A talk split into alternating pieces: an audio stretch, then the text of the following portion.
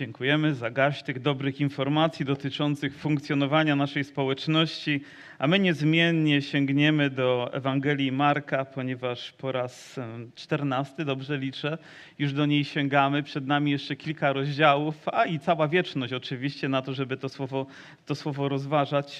Jeżeli ja zapomnę, to przypomnijcie mi też, że na koniec nabożeństwa mam jeszcze jedno wyjątkowe ogłoszenie. Dobrze? Także pamiętajcie o tym. Ja mogę się tak rozpędzić, że moje emocje wyhamują to gdzieś we mnie, więc wy, wy mnie pilnujcie. Dzisiaj sięgniemy do 11 rozdziału i tutaj rozpoczyna się bardzo ważny moment w życiu Pana Jezusa Chrystusa. Myślę, że szczególnie na ten okres powinniśmy zwrócić uwagę z jednego ważnego powodu, ponieważ Ewangelie zwracają na to uwagę.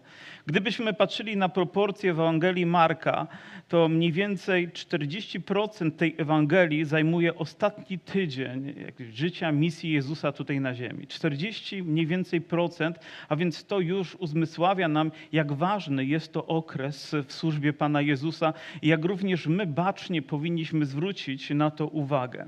Rozpoczyna się od fragmentu, który nazywa się Wjazd Jezusa do Jerozolimy. My nazywamy taką szczególną niedzielę, niedzielę palmową, która rozpoczyna wielki, ty, wielki tydzień, ale my nie rozpoczynamy Wielkiego Tygodnia. Tak naprawdę rozpoczynamy Wielki Miesiąc, bo za miesiąc mamy święta. A więc dzisiaj sobie to uzmysłowimy, a później będziemy kontynuować, kontynuować. I myślę, że gdzieś w okolicy świąt wielkanocnych akurat przypadnie nam ten fragment, który będzie mówił o triumfalnym zmartwychwstaniu naszego Zbawiciela i będzie to wielką radością dla Kościoła i już się na to przygotowujemy. Amen? A więc rozpocznijmy, jak e, rozpocznijmy to i oto Pan Jezus zbliża się do, do Jerozolimy. A gdy się przybliżył do Jerozolimy, do Betwagę i do Betanii i do Góry Oliwnej, posłał dwóch z uczniów swoich. Może nawet jeden ten wiersz, bo wiemy, że już to jest ostatnia prosta. Nieraz wydaje się, że ostatnia prosta jest, jest najłatwiejsza, ale tak nie jest zwłaszcza dla tych, którzy są zmęczeni, którzy są utrudzeni. Ten ostatni odcinek jest obarczony szczególnymi wyzwaniami, jakie stają na naszej drodze. I patrząc może chronologicznie też na Kościół, który funkcjonuje i na czasy, w których żyjemy, mam wrażenie, że Kościół wychodzi na ostatnią prostą. Ale to nie znaczy, że ona będzie łatwą, prostą. Ona będzie pełna trudności i pełna wyzwań, tak jak również miało to miejsce w życiu Pana Jezusa. I mam też wrażenie, że Pan Jezus w tym okresie już mniej mówi w przypowieściach, a mówi bardziej w bezpośredni sposób. Że Jego działanie i zachowanie zwraca naszą uwagę i nawet otwiera nasze usta. Mówimy, ale zaraz, Panie, wcześniej nie wypowiadałeś może słów tak radykalnie, w taki sposób się nie zachowywałeś, a teraz widzimy Ciebie w akcji i jakby nie bardzo mieści się to w naszej głowie, ale takie jest Boże Słowo. To nie ja sobie wkomponowuję to w scenariusz Ewangelii, ale to Ewangelia daje to do mojego serca, aby uzmysłowić mi, że Pan Jezus chce w tym okresie przemówić bardzo mocno wtedy do swojego ludu i dzisiaj do Kościoła, do nas, do naszych, do naszych serc. Ostatnia prosta jest trudną. Kiedyś oglądałem taki program gdzieś z więzienia, z cel śmierci. Były wywiady z różnymi przestępcami, którzy dokonywali wielokrotnych morderstw wielkim okrucieństwem. Nie mieli litości dla swoich ofiar i robili to w straszny, dramatyczny sposób. A później mieli pokonać ostatnią prostą, która prowadziła ich do komory gazowej albo na krzesło elektryczne. I pytano, i jak to jest w tej ostatniej drodze. I, mówi, I ktoś powiedział tak, że niewielu, może tylko pojedyncze osoby są w stanie dojść tam o własnych siłach na własnych nogach. Ci okrutni ludzie, którzy nie bali się niczego, boją się tej ostatniej drogi, bo wiedzą, jak ona się zakończy. A Pan Jezus wiedział, jak zakończy się Jego misja na ziemi, ale nie bał się stawiać kolejnego i kolejnego i kolejnego kroku. Oni byli winni i zasłużyli na to, ale On był bez winy i szedł, aby ponieść tam nasze winy, ale zrobił to z tak wielką odwagą. I chciałbym, żeby Kościół był zachęcony tym przykładem, byśmy również i dzisiaj z odwagą stawiali kolejny krok wiary, byśmy nie bali się przeciwności i trudności, które pojawią się na naszej drodze, a pojawią się. Być może trzeba będzie ponieść nawet jakiś koszt z tym związany, ale poniesiemy go ze względu na Pana Jezusa. Prawda, że tak? Jesteśmy dzisiaj tutaj, ponieważ pragniemy, aby to Słowo Boże dzisiaj nas budowało i rzekł im, Idźcie do wioski, która jest przed wami, a zaraz przy wejściu do niej znajdziecie oślę uwiązane, na którym jeszcze nikt z ludzi nie siedział. Odwiążcie je i przyprowadźcie. A jeśli by ktoś wam rzekł, cóż to czynicie, powiedzcie, Pan go potrzebuje. I zaraz je tutaj z powrotem odeślę. Poszli więc i znaleźli ośle uwiązane u wrót na zewnątrz przy drodze i odwiązali je. A niektórzy z tych, co tam stali, mówili do nich, cóż to czynicie, że odwiązujecie ośle? A on odpowiedział, jakim nakazał Jezus. I tamci pozwolili im odejść. I przyprowadzili ośle do Jezusa i włożyli na nie szaty swoje, a on usiadł na nich. Wielu zaś słało na drodze szaty swoje, a inni gałęzie obcięte z drzew polnych. I ci, którzy szli przed nim, i ci, którzy szli za nim, wołali Hosanna, błogosławiony, który przychodzi w imieniu Pańskim, błogosławione królestwo Ojca naszego Dawida, które nadchodzi, Hosanna na wysokościach. I wszedł do Jerozolimy, do świątyni, obejrzał wszystko, a że już była późna godzina, wyszedł z dwunastoma do Betanii. Ten fragment jest nam dobrze znany. Gdybyśmy czytali też z innych Ewangelii, dowiedzielibyśmy się, że w tym czasie Jezus przeżywał coś szczególnego w swoim sercu. Dlatego, że gdy zobaczył Jerozolimę, słowo mówi, zapłakał nad nią. Zapłakał nad ludźmi, którzy tam są, bez względu nawet na atmosferę, która temu towarzyszyła, wiwaty, które się pojawiały, serce Jezusa było wzruszone, było poruszone głęboko troską o ludzi, którzy tam stali po jednej i po drugiej stronie ulicy, wiwatując, po prostu płakał, wiedząc, co za chwilę w ich życiu się wydarzy. Ale oto sięgnijmy może do tych fragmentów i postarajmy się przejść, aby zrozumieć, co też wydarzyło się, gdy Jezus wjeżdżał do Jerozolimy. On posyła swoich uczniów i to wydaje się takie proste. Oto idźcie, o tam będzie przywiązane ośle, odwiążecie je, przyprowadzicie je do mnie. A gdyby ktoś się temu sprzeciwiał albo powiedział, co robicie, to powiedzcie, Pan potrzebuje. To takie proste. Wiecie, oto Pan Jezus zapowiada na takim małym odcinku czasu słowa, które mają się wypełnić. Mówi, idźcie i znajdziecie. Oni poszli jakby w ciemno, ale wiedzieli, że Boża obietnica mówiła, że oni znajdą tam to ośle, że ono będzie przywiązane, będzie dokładnie w tym miejscu, że nawet ludzie, do których to ośle należy, mogą powiedzieć, co robicie, więc oni już mieli przygotowaną odpowiedź, którą Jezus im dał. Pan go potrzebuje. Po prostu odpowiecie tymi słowami, które teraz ja wkładam wasze serca. Oto widzimy też na przestrzeni całej Biblii zapowiedzi, które są dokonywane odnośnie przyjścia Pana Jezusa, Jego życia, Jego śmierci, Jego zmartwychwstania i wiemy, jak dokładnie to słowo się wypełniało. A więc nieważne, czy ono było wypowiedziane godzinę wcześniej, czy ono było wypowiedziane 300 lat wcześniej, czy jeszcze może głębiej sięgając w historię, ale wiemy, że Boże Słowo, że to, co zostało zapowiedziane, wypełni się. I również gdy myślimy jeszcze o tym, co nie wypełniło się, co nas czeka. Bóg chce, abyśmy byli przygotowani. On wkłada w nasze serca słowo, które nas na to przygotowuje, odpowiedzi, które będziemy mogli dać, gdy ktoś się temu sprzeciwi. Nie wiem, jak ja bym się zachował, gdyby ktoś przyszedł do mojego domu, próbował otworzyć mój samochód, wsiąść do niego i odjechać i powiedział mi: Pan go potrzebuje. Nie byłoby z pewnością łatwe, ale z drugiej strony, jakim przywilejem jest to, że ci uczniowie pojawili się tam, że wzięli te ośle, na którym jeszcze nikt wcześniej nie jeździł, co też jest znamienne, że to, co zostało przyprowadzane Bogu, to, co zostało przyprowadzane do świątyni, zawsze miało być bez skazy, zawsze miało być bez mazy, zawsze miało być tym, co było pierwsze, co było najważniejsze, co było cenne, co było drogie, co było pierwociną. Nie to, co ostatnie, to, co zbywa, to, czego nie chcemy, to, co pozostaje, to, co jest resztką, ale to, co najważniejsze. Myślę, że to obraz, który buduje również w nas, to, że to, co należy się Bogu, to, czego Bóg oczekuje, zawsze powinno być najważniejsze, zawsze powinno być najcenniejsze, zawsze powinno być pierwsze. Amen. Czas, który dajemy Bogu, poświęcenie, które dajemy Bogu, a nawet to, w jaki sposób wyrażamy chwałę Mu, oddając naszą majnu, powinno być cenne ponieważ to mówi o naszym poświęceniu. To mówi o naszym oddaniu, o zaangażowaniu naszego serca. To nie mówi tylko o liturgicznym wydarzeniu, ale o czymś, co wypływa z głębi nas, co jest w moim i w Twoim sercu, jako człowieka wierzącego, kochającego Boga, że pragnieniem, rozmyślaniem moim będzie wszystko to, co ma służyć Jego chwale. Oni mogli się przekonać na tym krótkim odcinku czasu, na tej krótkiej drodze, która była pomiędzy tymi słowami a wypełnieniem, że Boże Słowo się wypełnia. I myślę, że to utrwaliło się również w ich sercach. Utrwala się w nas, że Boże Słowo się wypełnia na naszych oczach, że jesteśmy uczestnikami tej wielkiej łaski. Możemy oglądać Jego dzieła, Jego zbawienie. Chwała Jezusowi. Chwała za to, że dał mnie te słowa, za to, że one mnie dzisiaj budują, że one przyprowadziły mnie do tego miejsca, uczyniły moje życie nowym, że Jego słowo wypełniło się we mnie. Oni poszli, więc znaleźli, odwiązali, powiedzieli tym ludziom: Bóg zawsze ma odpowiedź. Nie musimy się jakby tutaj szczególnie starać o to, żeby elokwencją zabłysnąć, żeby dać taką błyskotliwą odpowiedź. Jezus po prostu chce, żebyśmy użyli Jego słowa.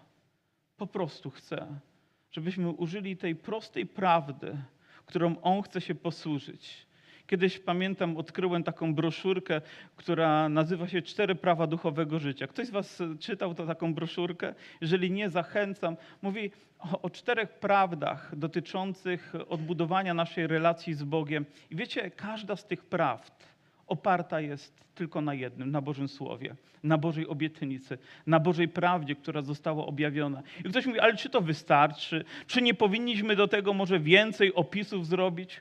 Wygląda na to, że nie. I wierzcie mi, że setki, tysiące, dziesiątki, może setki tysięcy ludzi przyszło do Jezusa, gdy czytali tą broszurę, gdy uzmysławiali sobie, że Bóg ich kocha, że mają problem w swoim życiu z powodu grzechu, że jedynym rozwiązaniem jest Jezus Chrystus, to czego dokonał. I wystarczy zaprosić Go do swojego serca, oddać Mu swoje życie, a On uczyni nasze życie nowym. Czy to nie jest prawdą w Twoim życiu? Boże Słowo dotknęło Cię, Boże Słowo zmieniło Cię, Boże Słowo dzisiaj jest w Tobie. I dziękujemy Bogu za to, że mamy przywilej w tym, uczes- w tym uczestniczyć. Ale też widzę to, co się wydarzyło, gdy Jezus już wjeżdża. Oni oczywiście włożyli szaty swoje, nie było siodła, włożyli swoje szaty. Pan Jezus wsiadł na te ośle, zaczął jechać. Widzimy, że ludzie szli przed nim i ludzie szli za nim, którzy szli przed nim i którzy szli za nim. Nie wiem, czy to ma znaczenie, gdy patrzę na ten orszak, który tam jest, że Jezus jest w centrum. Są ludzie, którzy są przed nim, są ludzie, którzy są za nim. Nie wiem, czy to mówi nam coś o funkcjach, o roli, o obdarowaniach w kościele, czy też, że jest Nowy Testament. Stary. Nie chcę iść za daleko, ale po prostu widzę też, że Jezus jest w centrum, że nie jest gdzieś na poboczu, nie jest gdzieś w marginesie, ale jest tam, gdzie powinno być Jego miejsce i gdzie powinna być zwrócona nasza uwaga. Może jest ktoś, kto przygotowuje innych, żeby poznali Jezusa, ktoś później, kto pozwala, żeby inni kroczyli za Jezusem. Tak, mamy takie obdarowania, mamy takie możliwe, ale zawsze Jezus jest w centrum. I oto widzimy, że ludzie, którzy tam byli wokoło Niego, zaczęli krzyczeć, wołali Hosanna, błogosławiony, który przychodzi w imieniu Pańskim. O, wydawałoby się, że to najbardziej triumfalne wydarzenie w życiu, w misji Pana Jezusa, gdy wjeżdża do Jerozolimy i cały tłum, niektórzy mają wrażenie, że cała Jerozolima wyszła niemalże, aby go spotkać wołają Hosanna! Mamy tutaj trochę osób rosyjskojęzycznych. Jeżeli ktoś jest tu rosyjskojęzyczny, a rozumie mnie, niech podniesie rękę. O, nie rozumiesz mnie, bracie. Dobrze, dziękuję, że podniosłeś. Będę się o ciebie modlić się. Ale wiecie, po rosyjsku chyba Hosanna brzmi tak samo jak po polsku. Zgadza się? Aleluja tak samo brzmi. To są takie słowa uniwersalne, które zawsze mają to samo znaczenie. Gdziekolwiek byśmy nie pojechali do jakiejś kultury, nawet gdybyśmy byli w Izraelu i krzyknęli Hosanna, być może byłoby to jedno z tych słów, które by zrozumieli ci, którzy są wokoło nas.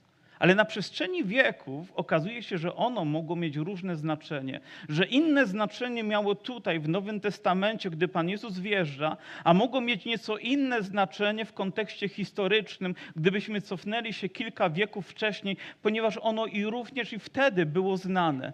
Ludzie używali wtedy tego słowa, wołając Hosanna, jako słowa proszącego o wybawienie. I nawet wybaw nas, zbaw nas, daj nam odkupienie, daj nam wolność. Może idę zbyt daleko, ale chodziło o to, że to jest ratunek o pomoc, ratunek o wybawienie. W tym fragmencie, gdy czytamy i gdybyśmy przenieśli się do Ewangelii Łukasza i tam byśmy przeczytali, że on nie używają tego słowa, ale że radośnie jakby uwielbiali, radosne okrzyki, wznosili radosne uwielbienie, oznaczałoby, że to samo słowo tutaj oznacza uwielbienie, oznacza o chwała Ci, bądź wywyższony i później to słowo błogosławiony, które się pojawia. A więc co się stało, że to słowo z prośby o ratunek stało się uwielbieniem, czy stało się coś złego, czy stało się coś dobrego, czy też powinniśmy to jedno połączyć z drugim.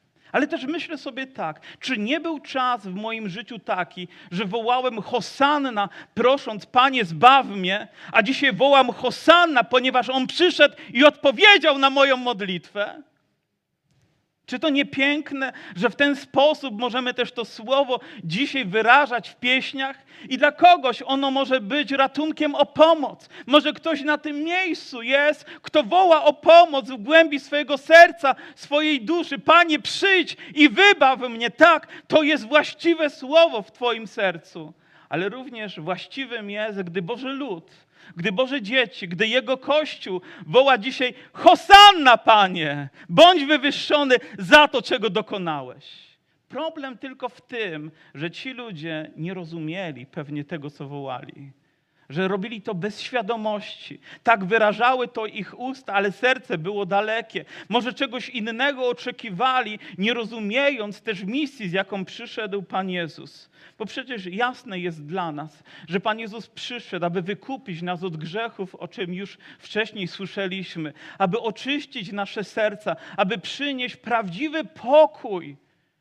Ale oni oczekiwali zupełnie czegoś innego, że przychodzi Mesjasz, i teraz on, jak Dawid, wyzwoli lud od różnych oprawców, a zwłaszcza od Rzymian, że wyzwoli ich. Oni nie rozumieli, że Jezus nie przyszedł z mieczem z żelaza, ale przyszedł z mieczem słowa, że nie przyszedł, aby zabijać, ale żeby ratować, że nie przyszedł, aby się mścić, ale okazywać łaskę.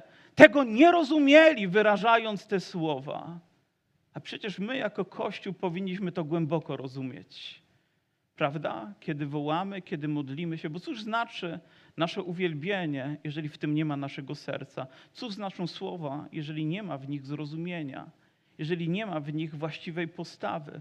Cóż z tego, że dzisiaj lud może krzyczeć Hosanna, gdy ich myśli, ich życie jest gdzieś daleko?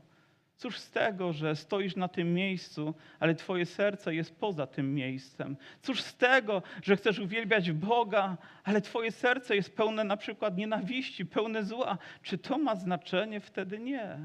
I dlatego Jezus zapłakał.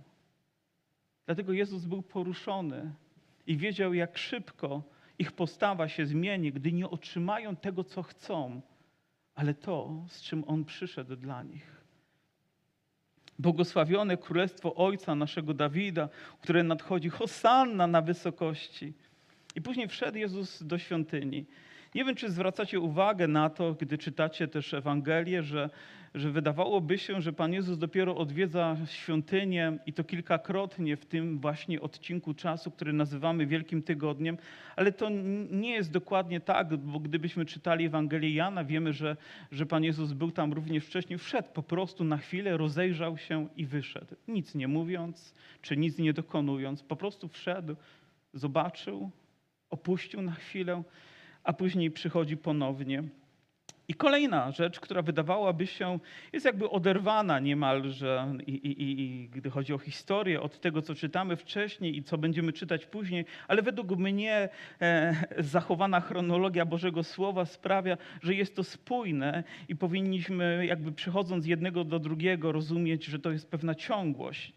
A Nazajusz, gdy wyszli z Betanii, poczuł głód to takie naturalne, takie ludzkie, że po prostu człowiek może być głodny, może poczuć głód. Jezus poczuł głód, poczuł pragnienie, które towarzyszy też nam, gdy nie zjemy śniadania albo nie jemy przez jeden dzień. Jesteśmy po prostu głodni. Ujrzawszy z daleka drzewo figowe e, pokryte liśćmi, podszedł, by zobaczyć, czy może czegoś na nim nie znajdzie. Ale gdy się zbliżył do niego, nie znalazł nic poza liśćmi. Nie była to bowiem pora na figi. Odezwawszy się, rzekł, rzekł do niego: Niechaj nikt na wieki z ciebie owocu nie jada. I słyszeli to uczniowie jego. Wydaje się, że ten fragment jest jakimś takim incydentem, e, i, i zachowanie Pana Jezusa w tym, w tym fragmencie wydaje się dla nas niezrozumiałe, jeżeli może nie zrozumiemy przesłania, które ma ten fragment. Wierzę, że wszystko, co czynił Jezus, miało znaczenie. Wy również? Że to nie było przypadkowe. Nie, nie, nie tak dawno jechałem samochodem i modliłem się w duchu. I akurat przyjeżdżałem przez taki region, że wiem, że tam mieszka pewien człowiek, z którym nie widziałem się już dość długo, ale modliłem się i stanąłem na światłach, czy przejeżdżałem przez nie i zobaczyłem, kto stoi obok. I dokładnie ten człowiek. Dokładnie w tym samym momencie zobaczyłem jego twarz i myślę sobie, Boże, czy to przypadek by sprawił, że akurat nasze drogi w tym miejscu się skrzyżowały o tej godzinie, w tej jednej chwili, by, byśmy może nawet mogli spojrzenia ze sobą wymienić? Wierzę, że Bóg w ten sposób chciał przemówić do mojego serca. Może chciał powiedzieć, jak ważne jest to, bym się o niego modlił, jak ważne jest to, by moje serce było w porządku wobec tego człowieka. Nie wiem. Po prostu rozumiem, że Bóg, gdy coś czyni, ma w tym swój plan. I również, gdy tutaj przechodził, Jezus zobaczył to drzewo z daleka figowe i zobaczył jego liście, to było zachęcające. Jedna rzecz. Rzeczy z daleka wyglądają inaczej niż z bliska. Z daleka dużo liści, zapraszające nas do tego, żeby podejść i może sięgnąć po owoc, który gdzieś tam się chowa za nimi, ale gdy podszedł blisko, zobaczył, że nie było tam owoców. Oczywiście dalsze wytłumaczenie tego fragmentu mówi, no ale czego Pan Jezus mógł oczekiwać, skoro to nie była pora na figi? To nie był czas, by zbierać żniwo z fig. To był czas, by czekać po prostu, aż one cierpliwie tam wyrosną, aż dojrzeją. Niektórzy interpretorzy e, Bożego Słowa i znajomości może tamtejszej geografii e, i, i, i, i zasobów, jakie tam są na drzewach, e, mogli, mogliby powiedzieć, że tak naprawdę drzewo figowe ponoć owocuje przez cały rok. Że w każdym czasie, nie zawsze tak samo dużo, ale powinno być trochę owocu, który można byłoby spożyć. Niektórzy mówią, że w tym czasie mógł się pojawić owoc, ale on niekoniecznie był dojrzały, był zielony, nie był wystarczająco słodki, by go wziąć do uza, więc tak naprawdę nie był do spożycia. Jedno wiemy, że Jezus nie znalazł owocu na, drzewu, na drzewie figowym i w związku z tym wypowiedział przeciwko niemu słowa. Gdybyśmy czytali może inne komentarze, dowiedzielibyśmy się, że Izrael często jest obrazowany do drzewa figowego, do drzewa, które powinno przynosić owoc, a jest tylko pełne liści, ale nie ma tam owocu.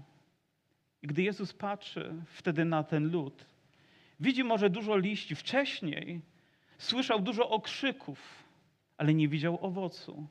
Widział dużo wiwatów, słyszał dużo wiwatów, ale nie widział serca, które za tym idzie. W związku z tym zobaczył drzewo i wypowiedział chyba jedno z najbardziej radykalnych słów, jakie można wypowiedzieć w stosunku do drzewa, żeby już nikt na wieki z niego nie jadał. I historia tutaj, można powiedzieć, zamyka się przynajmniej na moment i za chwileczkę ona powróci po kolejnym wydarzeniu, które ma miejsce i które dla nas również może być trudne do zinterpretowania, a wręcz niez- niezrozumiałe. Bo to Pan Jezus wchodzi do świątyni i przyszli do Jerozolimy, a gdy wszedł do świątyni, począł wyganiać tych, co sprzedawali i kupowali w świątyni i wywróciwszy stoły weks- wekslarzy oraz ławy sprzedawców gołębi i nie pozwolił, żeby ktoś choćby naczynie przeniósł przez świątynię. I nauczał, mówiąc im, czyż nie jest napisane, dom mój będzie przez wszystkie narody nazwany domem modlitwy, a wy uczyniliście zeń jaskinię zbójców? I usłyszeli to arcykapłani i uczeni w piśmie i szukali sposobów, jakby go stracić, bo się go bali, gdyż cały lud zdumiewał się nad nauką jego, a gdy nastał wieczór, wyszli poza miasto. Mamy wrażenie, że Pan Jezus miał zły, zły okres w swoim życiu. Najpierw przeklął drzewo, a teraz robi porządek w świątyni. Nie wiem, jak wy interpretujecie słowo świątynia. Ponieważ niektórzy by mogli powiedzieć, a przecież świątynia to już jakaś historia, to jakaś przeszłość, nas to nie obowiązuje. Ale jeżeli Bóg zatroszczył się tak bardzo, by świątynia się pojawiła i funkcjonowała dla Jego chwały, jest ona również obrazem dla nas, ludzi Nowego Testamentu. Gdybyśmy wybiegli troszeczkę do przodu i zobaczyli, jak uczniowie zachowywali się po zmartwychwstaniu, nigdy z ust żadnego z nich nie słyszę, by w jakikolwiek lekceważący sposób ktoś powiedział coś przeciwko świątyni. Wręcz przeciwnie, gdy była godzina modlitwy, gdzie szli? Do świątyni. Gdy trzeba było, znaleźli się tam. I później nawet Paweł również wszedł do świątyni z należną czcią i chwałą dla Boga. A więc nikt z apostołów w żaden lekceważący sposób nie zbagatelizował powagi i rangi świątyni. I myślę, że dla nas ona również jest obrazem. Ja wiem, że dzisiaj nie potrzebujemy takiej świątyni, że nie potrzebujemy jej nawet odbudować, bo nawet Apokalipsa nam mówi, że sama obecność Jezusa będzie wystarczająca, byśmy mieli to wyjątkowe miejsce społeczności z Nim. Amen? Nie będzie potrzeba, bo każdy będzie mógł do Niego przyjść. Ale świątynia była zaproszeniem dla ludzi, dla ludu Bożego, by przychodzić tam i spotykać się z Wszechmogącym Bogiem. Oto od samego początku, gdy tylko powstała i została poświęcona i wypełniła je Boża chwała, Bóg uczynił pewien standard zachowania i postępowania, aby świątynia zawsze była pełna chwały dla Boga.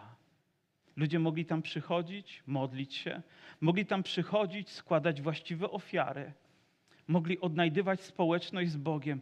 I nawet nakazem było, żeby przynajmniej raz w roku każdy, kto należał do narodu izraelskiego, znalazł się w tym wyjątkowym miejscu, o, proszę, nie próbujcie tego interpretować, że wystarczy pójść raz do takiego miejsca, którym jest zgromadzenie Boże, bo oni później spotykali się w innych miejscach, aby mieć społeczność, ale to było wyjątkowe, wyjątkowe miejsce, które miało służyć Bożej chwale. Chcę tylko podkreślić rangę tego. Dawid miał w sercu pragnienie, by ją zbudować, ale nie mógł z powodu tego, że krew była na jego rękach i jego syn Salomon dopiero podjął się budowy i ukończył ją. Było to piękne, wspaniałe, cudowne miejsce, które rozbrzmiewało w tym czasie chwałą dla Boga. I gdy patrzę też na obraz Izraela w historii, to widzę jedno, że gdy ludzie dbali o świątynię, dobrze im się powodziło.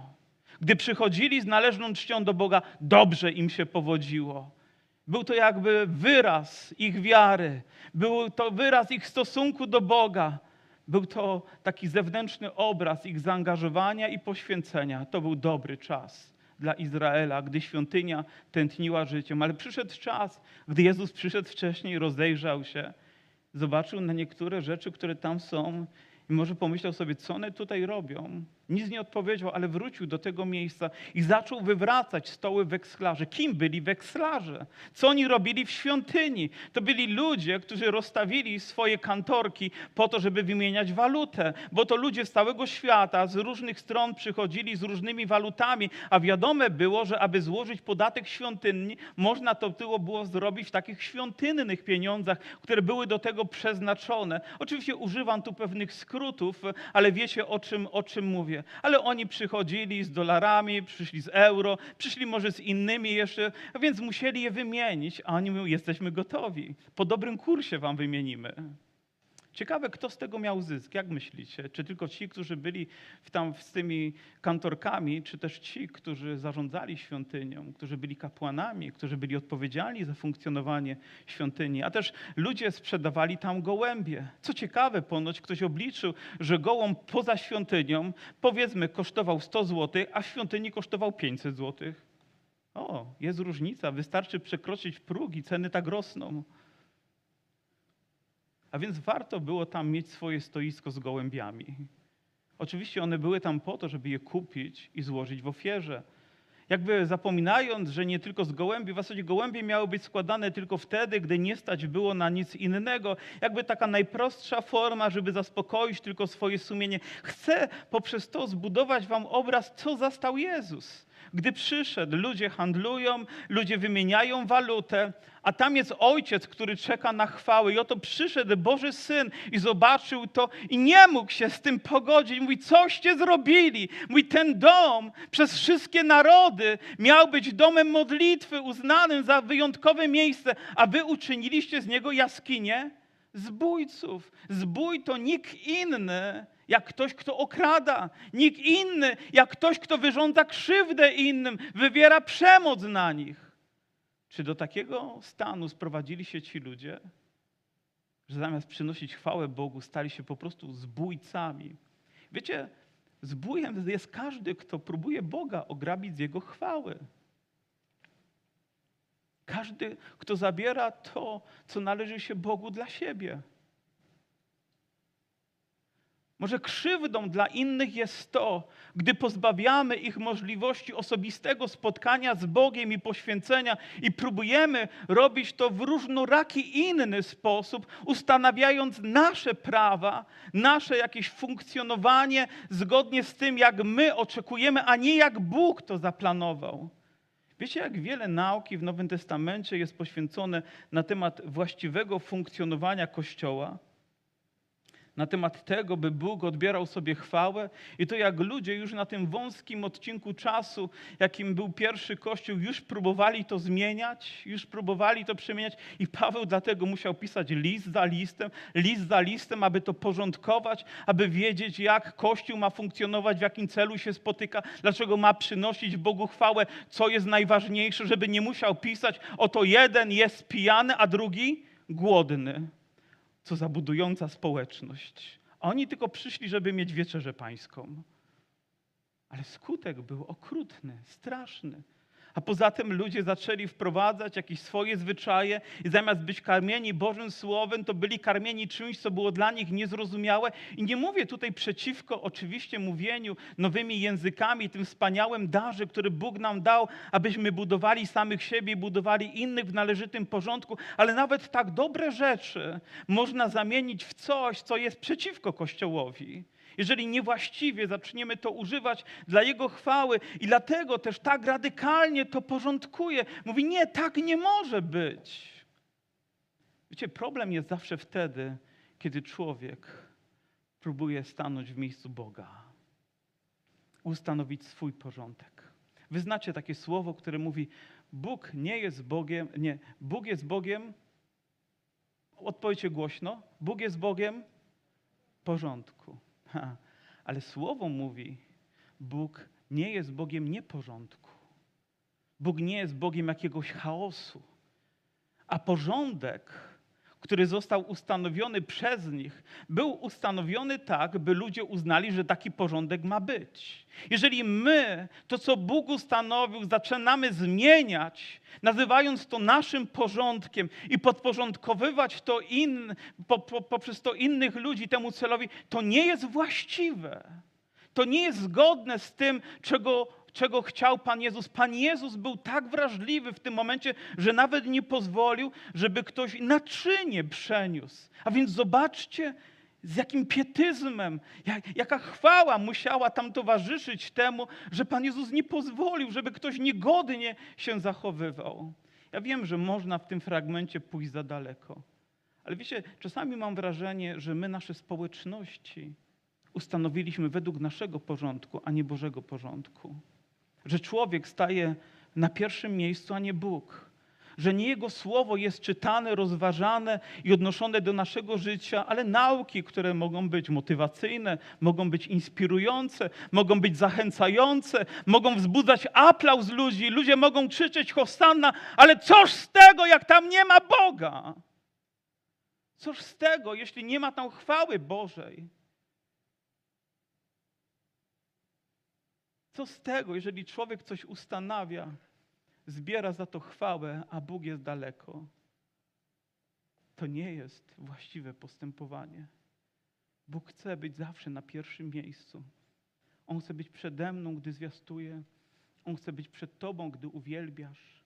On chce być przed Tobą, gdy dajesz. On chce być we wszystkim pierwszy, ponieważ On jest Bogiem. Nie w porządku jest, gdy jedna osoba zakłócałaby społeczność innym, gdy zwracałaby na siebie tylko uwagę. To jest nie w porządku. Ludzie tam przychodzili, by spotkać Boga, a spotykali wekslarzy, handlarzy, ludźmi, którzy robią biznes, ale nie przynoszą chwały Bogu. Na przestrzeni lat, gdy jestem pastorem, byłem tysiąc razy zapraszany do tego, żeby w zborze otworzyć jakiś interes.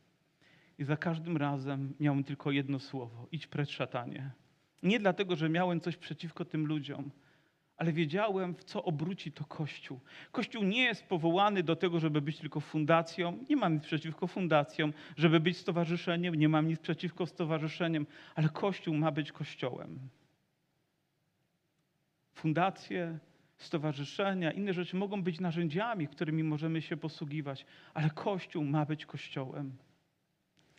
Widzę też, z jaką łatwością dzisiaj diabeł tak naprawdę niewiele robiąc, uzyskuje tak wiele, jak ludzie są odciągani od społeczności. O, ktoś mówi, oto tu będzie lepiej, oto tam będzie lepiej, oto nie spotykajmy się już razem, bo po co mamy się razem spotykać, po co mamy stwarzać niebezpieczeństwo, a po co oni mieli przychodzić do świątyni? Przecież Bóg jest wszechobecny. Po co pierwszy kościół miał iść na modlitwę, skoro w domach było lepiej? I musimy zachować uwagę aby nasze serce nie zostało odciągnięte od tego, co najważniejsze. Amen.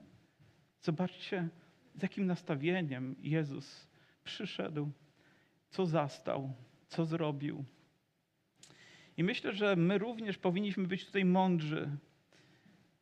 Coraz więcej myślę o Kościele, coraz więcej słyszę przykrych sytuacji. Nie tak dawno mój przyjaciel zadzwonił, rozmawialiśmy przez 45 minut był bliski też wcześniej rezygnacji ze służby. Człowiek, który był podporą w jego służbie, który był zachętą, który inspirował go do tego, który może podnosił mu ręce, gdy jemu opadały. A ty teraz mówi, a ja już nie potrzebuję kościoła. I po prostu wypisał się, tak? Zrezygnował. Od tak po prostu. Bo tam jest lepiej. Wiecie, są rzeczy, które są nie w porządku wobec Boga. Proszę, pilnujcie swoich serc. One są świątynią. One są wyjątkowym miejscem. Tam ma rozbiewać chwała dla Boga. Aleluja. Aleluja. A później widzimy, jak znowu uczniowie, idąc z Jezusem, spojrzeli na drzewo figowe, które wcześniej jeszcze pięć minut i wpuścimy dopiero drugą grupę. Jak Pan Jezus, jak Pan Jezus przeklął i mówią, mistrzu, oto drzewo, które wcześniej przekląłeś. A Jezus odpowiedział im, że miejcie wiarę w Boga, ponieważ ono, ono uschło. Zaprawdę powiadam wam, ktokolwiek by rzekł tej górze, wznieś się i rzuć się w morze, a nie wątpiłby w sercu swoim, lecz wierzył, że stanie się to, co mówi, spełni, spełni mu się. Dlatego powiadam wam, wszystko, o cokolwiek byście się modlili i prosili, tylko wierzcie, że otrzymacie, a spełni się wam. A gdy stoicie i zanosicie modlitwy, odpuszczajcie, jeśli macie coś przeciwko komu, aby i Ojciec Wasz, który jest w niebie, odpuścił Wam Wasze przewinienia.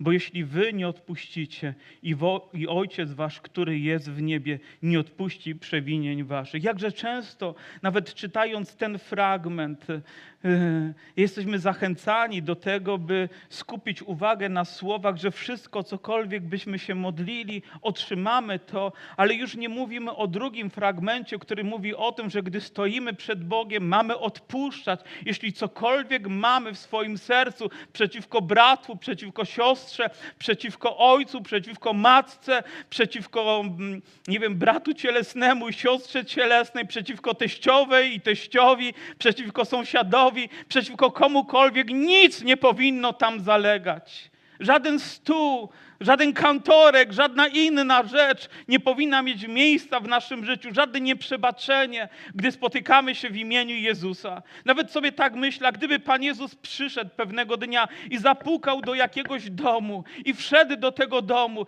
i zobaczył, a oto mąż w jednym miejscu, a żona w drugim miejscu, dzieci w jednym miejscu, a rodzice w innym miejscu, bo pokłóceni są. Czy to byłby chwalebny obraz? Czy w takim stanie chciałbym, żeby Jezus zastał moje serce? Czy w takim stanie chciałbym funkcjonować dzisiaj w kościele w nieprzebaczeniu, nawet gdy zostałem zraniony? Nie, nie ma takiej rzeczy, która by cię zraniła tak, by wiara nie pozwoliła ci to przebaczyć. Aleluja! Więc możemy przyjść i być pełni przebaczenia, a też Pan zaprasza nas, gdy ono będzie czyste, gdy będzie pełne przebaczenia, to nie będzie rzeczy niemożliwej. Będziemy modlić się z wiarą i góry zostaną usunięte. Góry problemów, góry trosk, góry, które urosły, spiętrzyły się przed nami, zostaną usunięte. Wiecie dlaczego? Bo Bóg ma taką moc. I nie ma takiej góry, której Jezus nie usunąłby z Twojego i z mojego serca, z mojego i z Twojego życia, gdy przyjdziemy do Niego z czystym sercem. Bóg ma moc odbudować nawet to, co my sami zniszczyliśmy, to, co my stworzyliśmy. Bóg ma moc nam przebaczyć, ale chce wiary, z którą dzisiaj do Niego przyjdziemy. Wiary, która będzie oczekiwać tego, co Bóg ma moc uczynić w naszym życiu. W zasadzie muszę tu skończyć. Ja jestem w połowie kazania. Aleluja.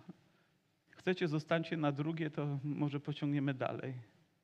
Ale dzisiaj chciałbym się modlić o Twoje serce, o góry, które tam są. Ponieważ przyszedł Pan Jezus na to miejsce. Przyszedł, aby dotknąć naszego życia. Przyszedł, aby zmienić nasze życie. Pochylmy nasze głowy.